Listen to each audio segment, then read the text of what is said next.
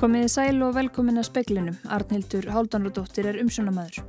Ákverðun ríkistjórnarinnar um að herða sótvarnir hefur vakið blendin viðbrúð. Fólk bráðvantar í bakvarðasveit og rútufyrirtæki léttir undir með slökkviliðinu með því að flytja COVID-sjúka. Formaður félags leikskólakennara hvetur sveitarfjölug til þess að loka leikskólum millir jóla og nýjás. Stjórnvöld taki áhættu með því að halda þeim opnu. Fagnaðar fundir urðu á Keflavíkur flugvelli í dag þegar afgönsk kona fekk ungbart sitt í fangið eftir fjögur að mánada aðskilinnið. Spennan millir Rúslands og NATO vext dag frá degi. Rúslands fórseti segir rúsa tilbúna að beita hernaðaraðgerðum gegn vesturveldunum vegna aðgerða þeirra í Úkrænu. Ríkistjónin samþykti á fundi sinum í morgun að veita 20 miljónum króna til endurbyggingar miðgarðakirkju í Grímsei. Formaður sóknanemdar segir kirkjubrunnan hafa þjappað Grímseingum saman og langt um fleiri hafa látist í umferðarslísum innan Reykjavíkuborgar nú en síðastliðin ár. Síðar í speklinum verður fjallaðum umferðaröryggi í borginni. Ríkistjórnin kynnti í morgun hertar sóttvataraðgerðir vegna kórnuveirunar. Viðbröði þeim hafi verið blendin en smitum hefur fjölgað hratt síðustu daga og vöxturinn verið töluvert meiri en spálíkun gerður aðfyrir. Ríkistjórnin fóri yfir tillögur sóttvarnaleknis að hertum aðgerðum í morgun og eftir fundin tilkynnti heilbreyðsáðara svo nýja reglugjörð sem tekur gildi á miðnætti annað kvöld. Þá mega 20 koma saman og tveggja metra reglan verður tekin upp á ný. Leifilegt verður að halda 200 manna samkomur með hraðprófum og sund, skíða og líkamsræktarstöðum verður leifilegt að taka móti 50% af leifðum fjölda. Tíðindin hafa vakið blendin við bröð, listafólk hefur líst vonbreyðum sínum víða í dag og segja takmarkanirnar eins og að upplifa sí endurtekin áföll. Samtök fyrirtækja á veitingamarkaði segja þungar hömlur af og á síðastliðin tvö ár hafa haft alvarlegar afleðingar og tekjutap verði gríðarlegt yfir hátíðarnar. Veiran heldur áfram að hafa áhrif á alþingi en síðdegis komi ljós að Birgir Ármannsson, fórseti þingsins, hefði grenst með COVID og tekur því ekki frekari þátt í þingstörum á þessu ári. Þegar unnið er í kappi við tíman við að afgreða fjárlög. Hann er áttundi þingmaðurinn sem greinist en viðtæk skimun hefur farið fram í dag. Eitt barn liggur inn á landspítala með COVID-19 en álag hefur aukist á helbreyðstofnunum og síðdegis var sendt út ákall til þess að fjölga í bakvarðasveit helbreyðstjónustunar. Þá hefur verið samið við ferðarþjónustu fyrirtækið Greilæn um að létta undir með slökkviliðinu við fluttning COVID-sjúkra á höfuborgarsvæðinu. Ólöf Rún Erlendstóttir saði frá. Stjórnir félags leikskólakennara og félags stjórnenda leikskóla segja útilokað að hægt sé að gæta sóttvörnum á milli barna og kennara. Það séu vonbreyði að stjórnvöld hafi ekki látið loka leikskólum milli jóla og nýjárs verið sé að taka áhættu í sóttvörnum. Í álugtun frá stjórnum félagana segir að það séu vonbreyð að í nýjum sóttvarnareglum sem eiga að taka gildi á morgun sé ekki hveði á um leikskólum verður lokað milli jóla og nýjárs til að bregðast við fjölkun smita. Haraldur Freyr Gíslason er formaður félags leikskólakennara. Og við komum ákjum okkar skiptir skila bara með góðum fyrirvara til yfirvalda en það var ekki e, hlusta á það, e, við fullurum það, fullum fettum að það er enginn halbær sótarnarlög fyrir að lóki ekki í leikskólinu. Öll börn á leikskólastíðinu eru óbólusett. Haraldur segir að hlutfalslega sé lítill munur á fjölda grunnskólabarna og leikskólabarna sem nú eru með virt smitt. Meiri nánt sé á milli barna og starfsmann á leikskólastíginu en að öðrum skólastegum og verið sé að taka áhættu í sótvörnum með því að hafa leikskólana að opna. Það má alveg minna á það að það var sambarlega staða fyrir dimpilöguna núna á þessu ári. Leikskóla var samtaldið hérna opnum alla daga fram að lömböku frítöðum. Svo ákvörðan leti til að í kjölfæri komið beitt stærsta hópsmiti í íslensku samfélagi í leikskólanum Jörfa. Þannig að við höfum alveg vitin til að varast. Nú eru 137 börn sem eru 5 ára og yngri í einangrum með virt koronavirusmitt sangkvæmt COVID.is en það eru um 7% allra virkra smita. Í álugtuninni eru sveitafélag kvött til þess að loka leikskólma millir jóla og nýjárs og foreldrar eru kvattir til að halda börnum sínum heima. Ég vona að sveitafélag bara takki vel í það og, og, og verði þessum tilmælinn. Þetta var Haraldur Freyr Gíslason, Anna Lilja Þóristóttir talaði við hann. Vladimir Putin, fórseti Rúslands, segist tilbúin til að grípa til hernaðar aðgerða, láti vesturveldin ekki af því sem hann kallar óvinveittar aðtapnir í Úkrænu. Spennan millir Rúslands og NATO vext dag frá degi. Rúsar hafa komið fyrir 100.000 manna herliði við landamæri Úkrænu og hafa leiðtór vestrætna ríkja þungar áhugir á því að rúsnesk innrás sé yfirvofandi. Pútin sagði með embættismenn vardamálaráðanitisins í dag að rússar væri tilbúinir að beita hernaðar teknilegum aðgerðum ef Bandaríkin og NATO láta ekki af augrunum næri landamærum Rúslands. Þetta er í fyrsta skipti sem Pútin íjar að mögulegum hernaðaráttökum. Rússar hafa kalla eftir vilirði frá NATO um að bandalæðið verði ekki stakka til östus og að engar herstöðar verði í ríkjum fyrir um Sovjetríkjana. Úkræna og Georgia fengu vilirði fyrir yngungu árið 2008 en erfitt hefur einst að taka þau inn, meðal annars vegna þess að rússar standa í virkum hernaði í báðum ríkjum. Leittóar NATO hafa sagt að það sé ekki rússa að ráðskast með ákvarðanir fullvalda ríkja. Volodymyr Selinski, fórseti Úkrænu, lísti í dag yfir óanægum með hversu langan tíma aðildaferli tekur og kallaði eftir skýri tímalínum um aðild á næst ári. Jáfnframt lísti hann yfir vilja sínum til að endur heimta krímskaga úr klóm rússa og að aðild að Evrópusambandinu verði að veruleika á næstu árum. Þeim fyrir allinum munur rússar ekki taka þegjandi og hljóðulöst. Magnús Geir Eyjólfsson saði frá. Formaður sóknarnemdar í Grímsei fagnar mjög þeirri ákvörðun ríkistjórnarinnar að verja fjármunum til endurbyggingar miðgarðakirkju. Jólamessan í einni verður í félagsheimilinu Múla milli jóla og nýjárs. Ríkistjórnin samþekti á fundi sínum í morgun að veita 20 miljónum króna til endur byggingar miðgarðakirkju í Grímsei. Alfred Garðarsson formaður sóknarnemnda segir þetta koma sér afar vel. Það er bara mikið ánægi efni hvað er standa við lóruðu sín, ríkistjórnir. Þeir getur hvað því strax er þetta skeið í hausta. Þeir myndu verða okkur innan handar.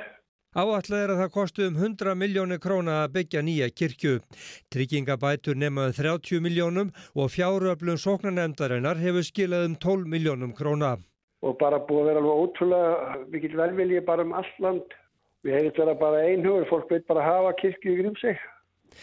En nú er að koma jól og já, engin kirkja í Grímsei en þá allavega. Hvernig farið þið að, að varandi jólamessunum? Já, það er bara verið stefnt að því að þeir ætla að koma hérna prestarnir okkar, þetta er Dalvik prestarnir. Þeir stefna að koma hérna með jólun nýjás, 28. og, og messa bara í, í félagsmiðinu.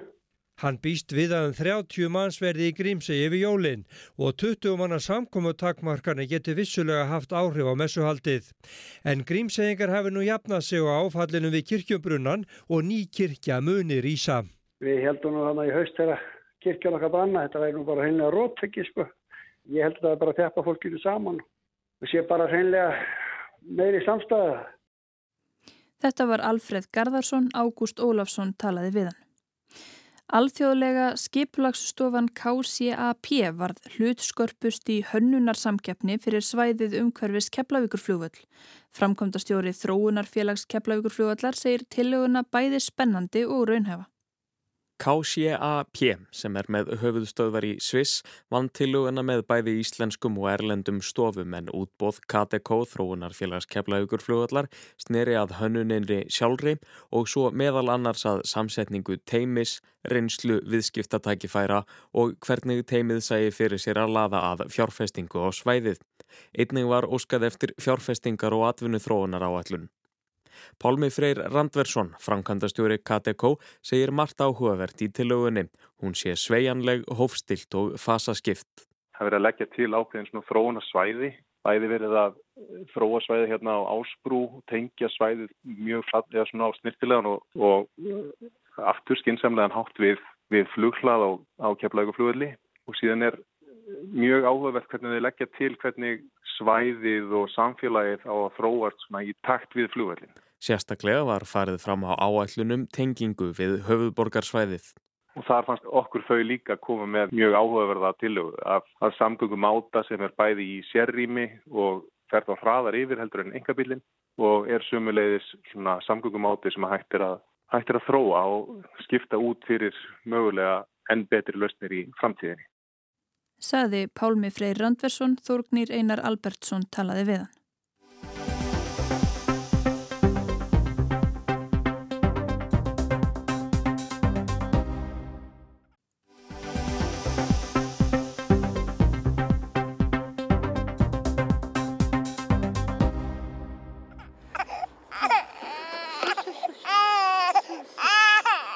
Þarna hittust mækin á keflauguflugull í dag þegar hópur 22 flóttamanna frá Afganistan kom til landsins. Foreldrar drengsins urða skiljan eftir hjá ættingum í sumar. Hann var þó nokkara vikna og hafði mist meðvitund vegna súröfniskorts í þrengslum og tróðningi á flugvellinum í Kabul þegar þau reynda að flýja. Móðurinn, Seba Sultani, átti ekki vona á að aðskilnaðurinn yrði nema nokkri dagar. Yeah, it was very difficult, um, and then I understood because all the way were closed, the flight were closed. I didn't expect this um, because after um, when we came here, um, one week later, there was an explosion at the airport, so uh, all the flight became closed. Þetta var mjög erfitt, segi Seppa. Eftir að foreldrarnir komist úr landi lokuðust nánast alla leiðir, vikussetna var sprenging við flúvöllin og ekki flóið þaðan.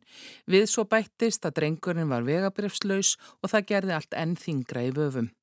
Og þó að hann hefði grátið, enda úrvinda eftir langt og stránt ferðalag, voru þetta fagnaðu fundir og léttirinn nánast ólýsanlegur eftir fjögur að mánaða aðskilnað. Móðurinn gati ekki sofið og valla borðað í viku vegna spennunar og eftirvæntingarinnar loks var drengurinn að koma. Íslensk stjórnvöld ákvaði í sumar að bjóða flóttafólki að koma hingað eftir valdatöku talibana. Stefán Vagn Stefánsson er formaður flóttamannunemdar.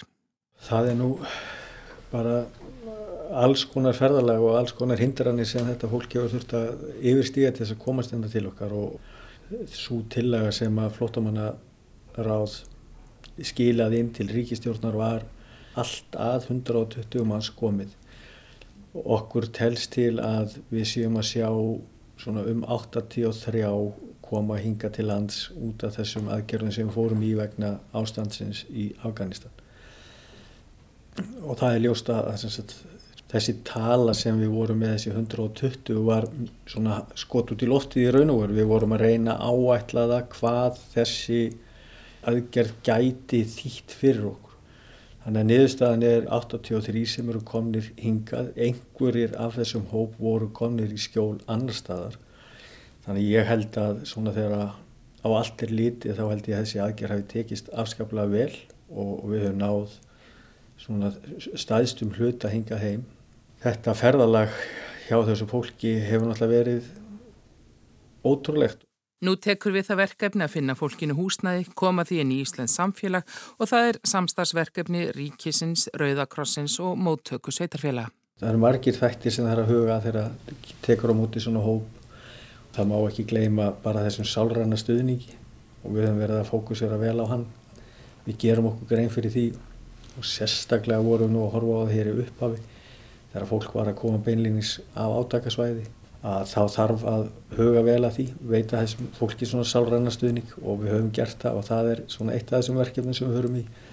Síðan bara eins og ég segi þá fer þetta fólk bara í sama feril og, og kvotaflóta fólkið og raun og voru þeir sem eru að koma hér á eigin vegum í þessa samröndu mótöku og feril sem tekur ár og vonandi bara farnast þessu fólki vel hér okkar ágæta landi. Fólkið frá Afganistan bættist við hundrað svo kallega kvótaflótamenn sem Íslensk stjórnvöld buðu hingað í ár.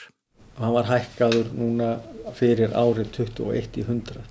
Sá hópur er eins og er ekki komin hingað enn og, og ástæðanir eru náttúrulega bara einfallega er að, að það hefur verið mjög erfitt um, fyrir, fyrir fólk að ferðast. Það er búið ákveða hópin og tilkynna þessu fólki það, það því standið til bóða að koma og, og, og hérna.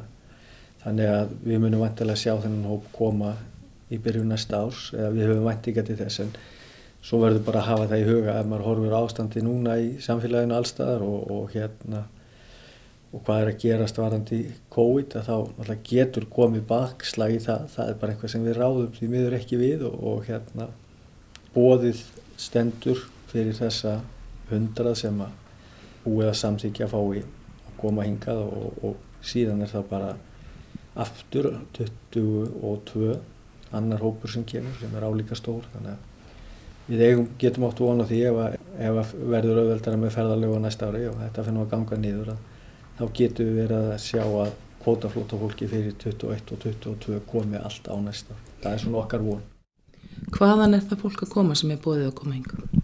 Mest megnis er þetta hérna, sýrilendingar sem eru búsettir í Líbanon, flótamannabúðum í Líbanon, þetta eru afganir sem verið eru staðsettir í Íran og síðan er þetta fólk sem er statt í flótamannabúðum í, hérna, er komið til Kenya og er þar, semst fólk sem hefur safnað saman frá Afríku. Það vaknar alltaf, alltaf hinn, síkildi viðbrað þegar það er talað um, um þess, þessi búða sem er 100, 120 kannski núna þessu ári þegar að svo berast fregnir af þeim fjöldafólk sem er á flóta. Hvar eigi að draga mörking? Hvað, hvað munar um þetta í því mannhafi sem hefur rækist að heima? Þetta munar öllu fyrir þessa 120 eða þessa 100.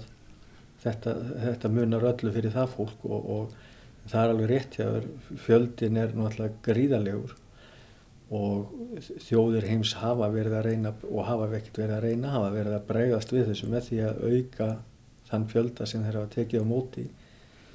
Uh, og en það er alveg ljóst að eins og þú segir að, að hérna það er ekki hægt að bjarga öllum þessum fjölda og Ísland sjálfsögðu ber ekki eitt ábyrðina en við höfum verið að reyna að, að axla þá okkar samfélagslega ábyrð í þessu verkið með því að auka þennan fjölda með því að bregðast við þessu ástandi sem var út í Afganistan með því að taka þessa, þennan hóp augriðis inn. Ég bara endur tek það sem ég sagði aðan fyrir það fólk sem hinga kemur þá, þá eru við að gefa þessu fólki von og, og, og nýtt líf og, og það er náttúrulega það dýrmætasta sem við getum gefið fólki held ég Sepa Sultani kom hinga á sínum tíma til að stunda nám við alþjóðlega jafnrættiskólan. Hún á ennættingja í Afganistan og hefur af þeim miklar áhyggjur en mestu skiptana að fá sónin unga til sín. Hann þarf á foreldrönum að halda. The importance with me was to getting the baby because he, he needs his parents. Anna Kristín Jónsdóttir rætti við Stefán Vagn Stefánsson og líka var rætt við Sepu Sultani.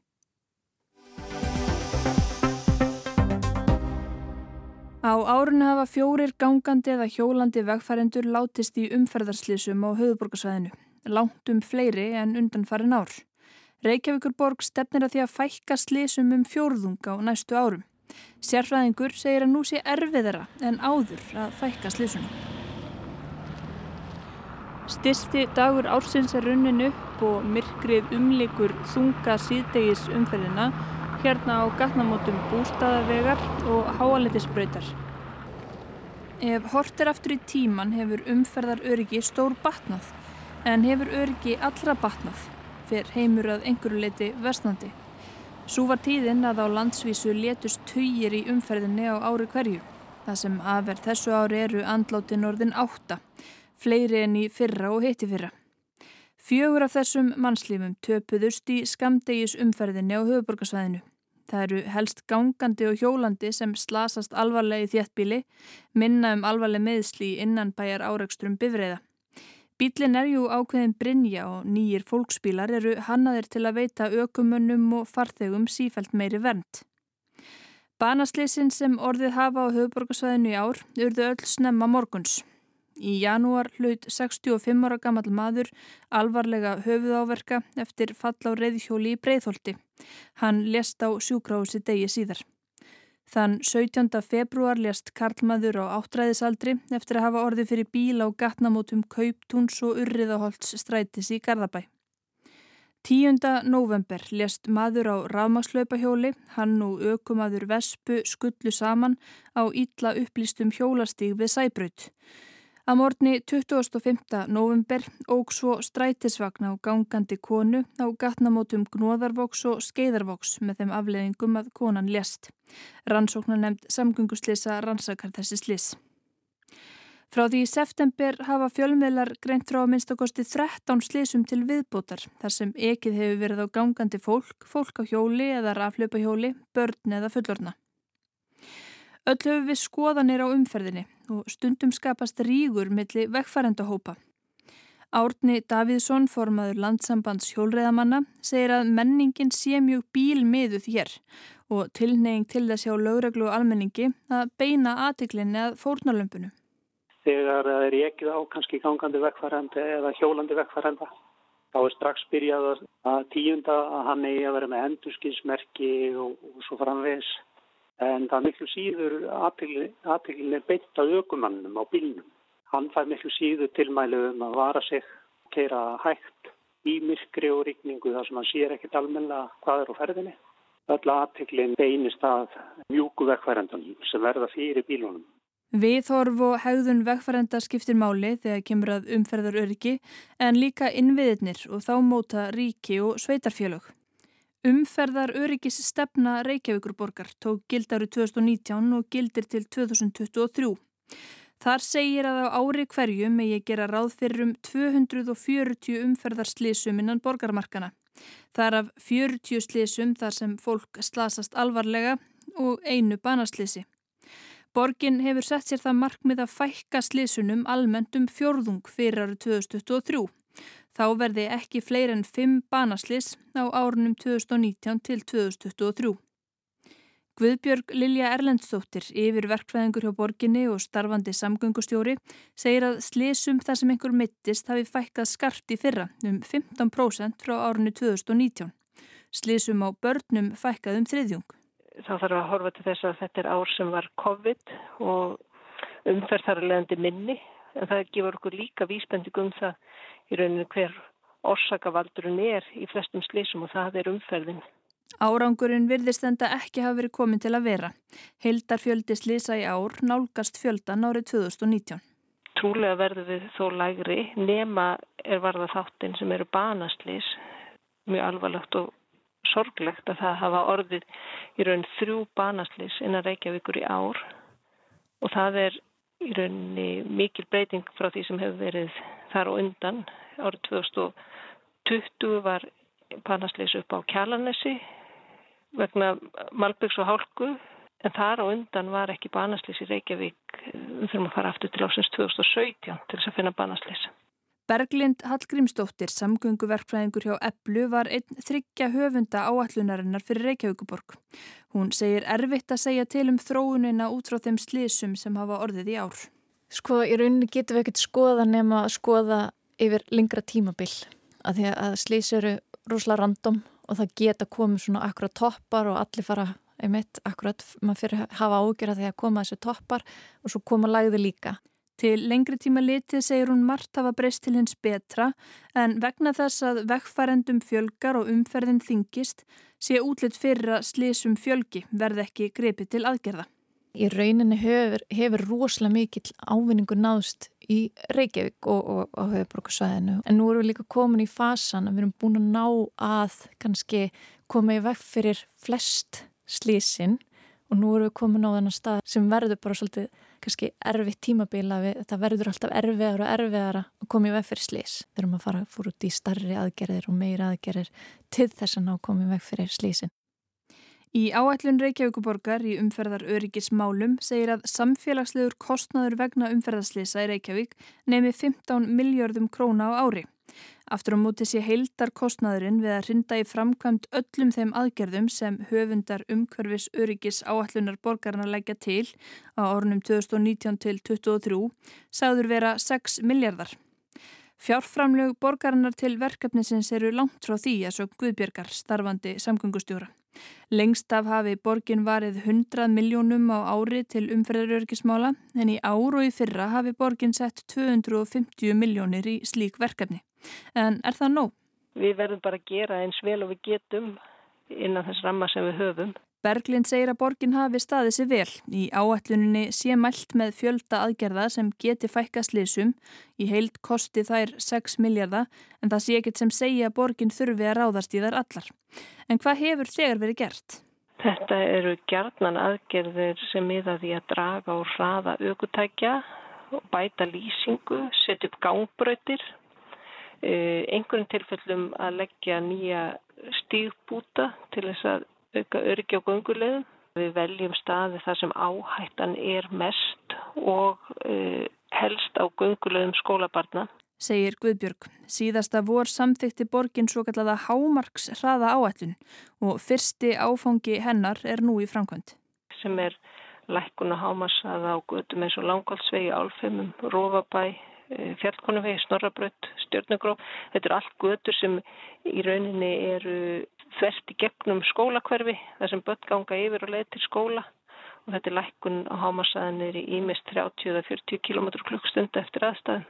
Berglind hjá Eplu er ánað með þessar áherslur. Það sé fyrst og fremst hraðin sem drepi og það að verða fyrir bíl á 50 km hraða jafngildi því að falla fram af svölum á þriðju hæði blokk. Og líkunar að því að lifa af slið sem einhverja ykkur áður á 50, minnir að það séu líkur á banaslýsi séum 50% og þess vegna er svo mikilvægt að allstað það sem gangandi eða hjólandi þvera göti að þar sé lágur hraði.